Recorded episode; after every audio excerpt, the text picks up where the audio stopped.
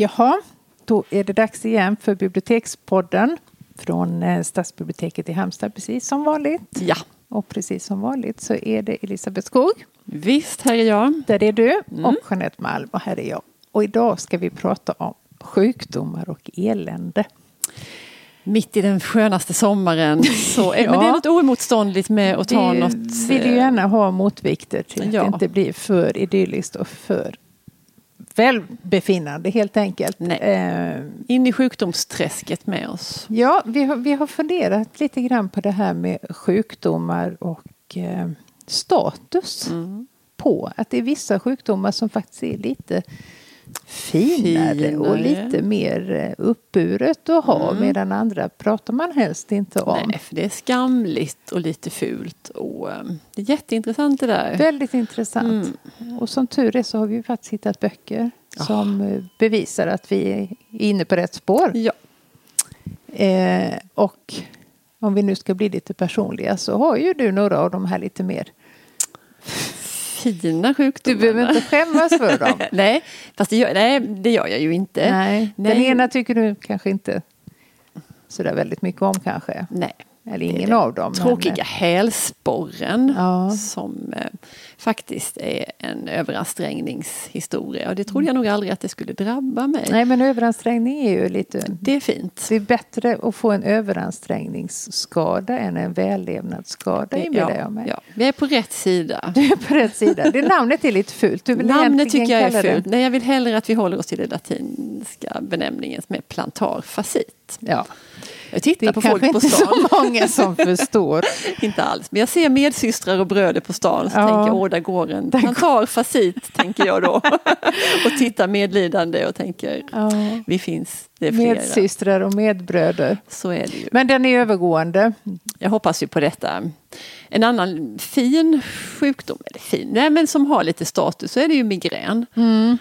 Det, är... det vilar något lite uh, upphöjt över ja, migrän. Det är duktigt ska... folk som ja, får migrän. Man det... måste ligga i avskildhet med ja. fuktiga dukar över. Neddragna persienner. Vidrigt. Men man får det för att man är så duktig och för att mm. man ligger i och är så flitig mm. hela tiden. Och det är ju berömvärt. Ja, du är en patient som intresserar kåren.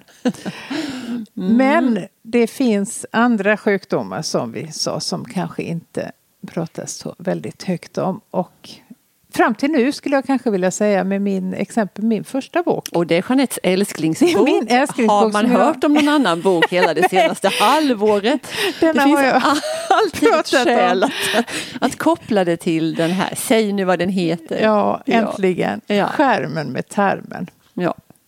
Och denna kom och slog ner som en, nästan som en liten bomb måste vi säga när Faktiskt. den kom i eh, våras.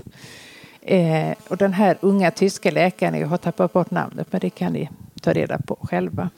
Hon uppträdde nämligen i Skavlan och ja. i diverse andra morgonsoffer. Hon är extremt ung. Hon ser ut som hon går i åttan men det gör hon inte för hon är utbildad läkare och till och med specialiserad på tarmsjukdomar. Och i den här boken som faktiskt är väldigt rolig men ändå in, faktarik skulle man säga. Ja. Man får reda på mer än vad man visste att man ville veta om tarm och tarmrörelser och eh, toalettbesök. Och hon har eh, bajsskola och det ena med det andra. Och hon går också in på det här med status när hon började intressera sig. Det började som så, berättar hon, när hon eh, läste till läkare så hade hennes eh, studentkamrat som utbildade sig till något helt annat bara frågat henne du Gina, tror jag hon heter, mm. någonting sånt. Varför bajsar man? Mm. Och det hade tänt igång henne något så alldeles. och hon hade börjat fundera. Mm. Eh, och försökte då förklara på ett lättbegripligt sätt varför man gör det. Och kom på att det här är en jätte, jätteviktig funktion i kroppen men som man... Det är väldigt få läkare som specialiserar sig på ämnet. Utan det lyder mer under allmän läkarkompetens medan däremot då de andra två organen som hon nämnde som absolut livsviktiga. Tarmen är det tredje, det är ju hjärnan och det är hjärtat. hjärtat ja. Och kan man vara något finare än hjärnkirurg eller hjärtläkare? Nej. Nej. Snacka om status. Det snackar vi status. Mm. Men hon är nog på väg att vinna över eh, väldigt många på att intressera sig för det här med termer. Vi har enormt lång reservationskö på den här boken. Det blev som en riktig bomb när den stod ja, ner. Ja, helt oväntat. Ja. Och det är det som är så Men det roligt. Må, lite måste det också ha att göra med hennes person, att den fick så ja, genomslag. Att hon var och tonen så... som hon har i mm. den, för den är som sagt väldigt rolig. Hon har illustrerat den själv med roliga. Men det, det är inte så att den är så rolig så att den blir... Oseriös? Nej, Nej. absolut inte. Utan hon, hon, det märks att hon har ett väldigt grundligt intresse och kunskap om ämnet. Mm. Men hon lägger fram det på ett roligt sätt och då blir det ju mycket enklare att ta till sig. Och, um, uppenbarligen så har hon ju lyckats. Mm. I folkbildningens tjänst har hon kommit Precis. med denna bok. Charmen med tarmen, bara titeln är ju oerhört ja, fyndig. Den är fyndig. Alltså, det är ju nästan så att man hade man kommit på det skulle man vilja skriva den fast man inte kan någonting om tarmen. Nej. Bara för att det är en så bra ja. Nej, nu är det taget. Det kan nog inte bli någon uppföljare Nej. på den. Nej. Men vi, det finns ju, det här är ju en, en fackbok då ja. som eh, är ganska givet. Men ja. vi har väl skönlitteratur? Ja, men romaner om vi sjukdomar ju, också? Jajamensan, du kan inte tro. Eh, vi får ju balansera det här nu med en, en roman, en oerhört fascinerande bok som heter Diabetikern. Mm. Mm. Var hamnar diabetes på skalan? Ja. Ganska fint. Det är ganska fint, det är ja. mer fint. Det är fint. Ja, eh, och detta är en jättehärlig bok av en Alexander Motori som har skrivit den här diabetikern. Och när man pratar om sjukdomar så är det mycket sådär att man ska, liksom inte, man ska inte vara sin sjukdom och det ska Nej. man ju såklart inte men i den här boken så det är en, en välmående ung man och han har bostadsrätt och han är förlovad och han har ett ganska bra arbete. och på samma gång så är han ju ganska anonym. Men han får diagnosen diabetes. Mm.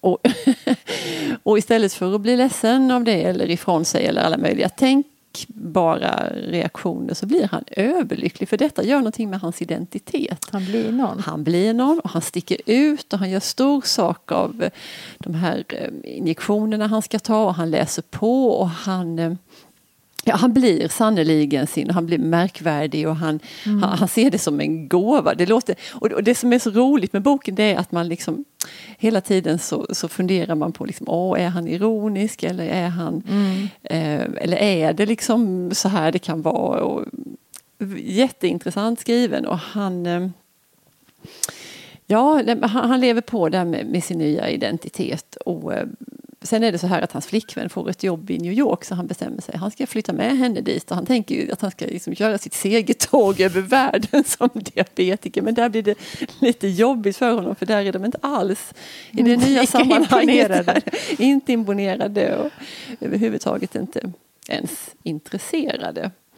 Men det, det är liksom en rolig twist på, på det här med att mm. vara sin sjukdom. För han, han gör ju verkligen en sjukdomskarriär. Mm. Han försöker också göra någon sorts karriär där i liksom, patientförening och sådär. Men de vill inte veta av honom och det är ju för att han är alldeles för positiv. Han är förnöjd. Han är förnöjd. Eh, men hur går det då? Ja men det vill jag inte avslöja. Det vill du Nej, inte? det vill jag inte. Oh, får Nej, vi läsa det får man få läsa själv. Diabetikern av Alexander Motori. Oh, när kom mm. denna? Den kom för ett par år sedan, två, tre år sedan. Ja. Mm. Det är ingen så jättesäljande titel. Men... Nej, men det är en liten sån dold pärla som jag verkligen vill slå ett slag för. Um, han är inne på, på den här huvudpersonen, jag ska bara säga detta om den boken också, om begreppet biomakt som jag blir lite nyfiken på. Detta är en, en ehm, en term som myntades av den franska filosofen Foucault mm. som används för att förklara samhälleliga maktmekanismer kopplat till kroppen och hälsan. Det får vi väl läsa på om. Biomakt. Biomakt. Ja. Intressant. Ständigt nya spår som man ja. vill gå vidare på. Mm. Ja. Men nu sitter du och klämmer Det får vi lägga åt sidan så ja, länge. Jag, jag sitter här och klämmer på en eh, väldigt snygg bok som kom eh, förra året, 2014. Mm av en eh, person som heter Sverker Sörlin. Och han är det inte är själva idéhistorikern? Jo, han är mm. professor i idéhistoria, väldigt lärd man. Ja. Och han, eh, boken då, som är placerad på hyllan för biografier, den heter Rädslan för svaghet, en berättelse om sjukdom, smärta och löje. Det där med löje undrar man ju genast över. Ja, det var nog det som fick mig att grabba tag i den när den kom. För jag tyckte ja, det, det lät väldigt intressant. Och då är det som så att den här Sverker Sörlin då som är en hög eh, en person med väldigt hög status i samhället. Han är akademiker, professor, han eh, eh tränar regelbundet, han sköter sig. Men han drabbas av en ganska skamlig sjukdom, skamlig sjukdom mm. nämligen gikt. Mm. Och det, det, är ju någonting som förekommer i skämtteckningar ja. nästan för att feta män som ligger med foten på en sidenkudde. Mm. Och den kallades till och med för portvinstå. Ja, bara det. det och men, men, man förstår att det här är inte lätt att drabbas av det. För det han gör i boken, dels berättar han om sin egen eh, sjukdomshistoria men han väver även ihop det då med smärtans eh, idéhistoria. För det här är något mm. så oerhört plågsamt. Och inte många läkare har så mycket kunskap om det. Det räknas då som en vällevnadssjukdom. Mm, alltså får man skylla mm. sig själv ja. lite grann. Men det stämmer ju inte riktigt in på eh, Sverker då. Eh, och han får nästan själv bli sin egen läkare.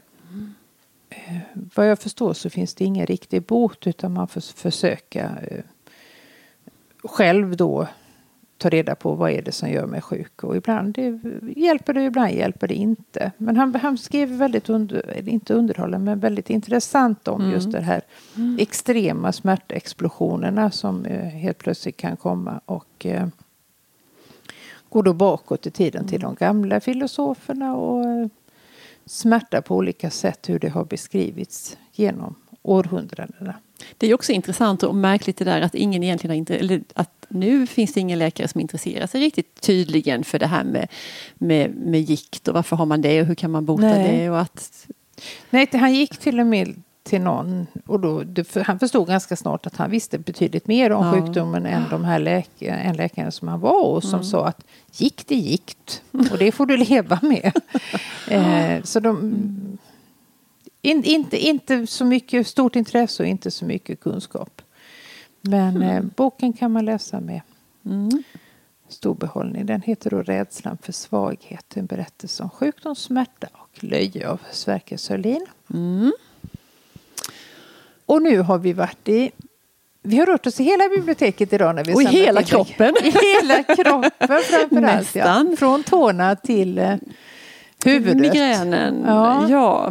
Nej, men vi, och du har varit på barnavdelningen? Jag var tvungen att ta en sväng på barnavdelningen för jag drog mig till minnes en fantastisk bilderbok som har funnits i flera år som heter Boris glasögon. Mm.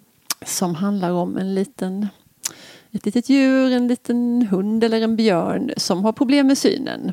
Det funkar inte som det ska. Och går och blir undersökt och det upp, text då att Boris är astigmatiker. och lite som händer med diabetikern i, den för, i mm. romanen händer ju med Boris att han får mm. en identitet och det är sånt oerhört avancerat och trevligt ord det ja. där med astigmatiker. Det, det, man blir ju verkligen någon om man Ja, det, det, det låter ju något. Det låter något. Och det här att han upptäcker så mycket som ja. han inte har sett tidigare. Den Gullan i glasskiosken inte visste jag att hon var så snygg. ja, det, men sen är det väl inte bara av godo allt han ser. Nej, Nej. han ser ju att han inte har städat sådär som han borde. som han tänkte att han hade gjort. En väldigt charmig, eh, jättecharmig bilderbok. Boris glasögon, Peter Cohen Han har skrivit så många fantastiska. Underbara. Måste säga att Olof Landström har illustrerat den. Mm. Ja, vi kan inte ha ett radioprogram och prata om sjukdomar utan att nämna i alla fall eh, Molières pjäs Den inbillade sjuke. Nej, det är nästan eh, det hade tjänstefel. Varit, det hade varit tjänstefel, så nu är vi inne på den. Och jag fick läsa på lite, det brukar vara din grej annars att läsa på faktarutan ja, men och sådär. Men jag slapp jag. du slapp det. Molière, det var hans sista pjäs som han skrev. Um, och väldigt sorgligt under den fjärde föreställningen när den framfördes den här, för då var Molière själv med och, och agerade på scenen. Men den 17 februari 1673 under själva föreställningen kollapsade Molière, som, han spelade faktiskt titelrollen i pjäsen, och han avled kort därefter. Vilken... Eh, Vilken ödets ironi. ja, Ja. sannerligen. Eh, och den har ju, alltså temat i den boken är ju, det är ju en drift med läkarvetenskapen och läkarrollen och sådär. Eh, huvudpersonen är hypokondriker. Um, och genom alla de här sjukdomarna som han tänker sig att han har så får han ju oerhört mycket uppmärksamhet och cred skulle man väl säga nu för tiden. Eh, och han utverkar också så att dottern gifter sig med en läkare för det är väldigt praktiskt att ha en sådan i sin närhet. Håller den för att läsa idag eller ska man... Ja, man kan nog gå och se den. Det var, det var en ganska ny uppsättning på, i Göteborg tror jag ganska nyligen. Ja. Men jag, jag tror den har sina... Nej, men det är ju ändå en klassiker och de brukar ju bli klassiker av en anledning. För att de håller. Precis. Jag blev lite tagen av det där att han faktiskt dog under mitt på, eller han kollapsade under scenen och Ja. sedan dog han. Det tyckte jag Det var... ger ju en extra feeling åt själva texten och pjäsen får man Ja. väl säga. På något sätt. Ja, Jeanette, hur mår du nu efter alla detta? Känner Jo, jag mådde liten- bra för en stund sedan. Det började krypa sig på här, både det ena och det andra. Ja, lite migrän kanske. Ja, jag får nog känna efter och gå ut och se om jag kan hitta någon diagnos Mm, i hyllan. går säkert bra. Det ska jag säkert kunna Men hitta. du, vi ska göra mer radio. Ja, Eller hur? det får vi ju. Ja, det gör vi. Vi tänker ju inte sluta frivilligt. Absolut, om inte vi blir sjuka. ja. Hemskt. Nej, men ja. eh, Oh. vi har mer på gång. Vi återkommer. Men vad, det Det säger vågar vi inte. vi inte Nej. säga något om. Vi För får det brukar aldrig stämma ändå. Okej, men eh, tack för idag. Tack för idag. Hej då! Hej, må så gott. Må så gott!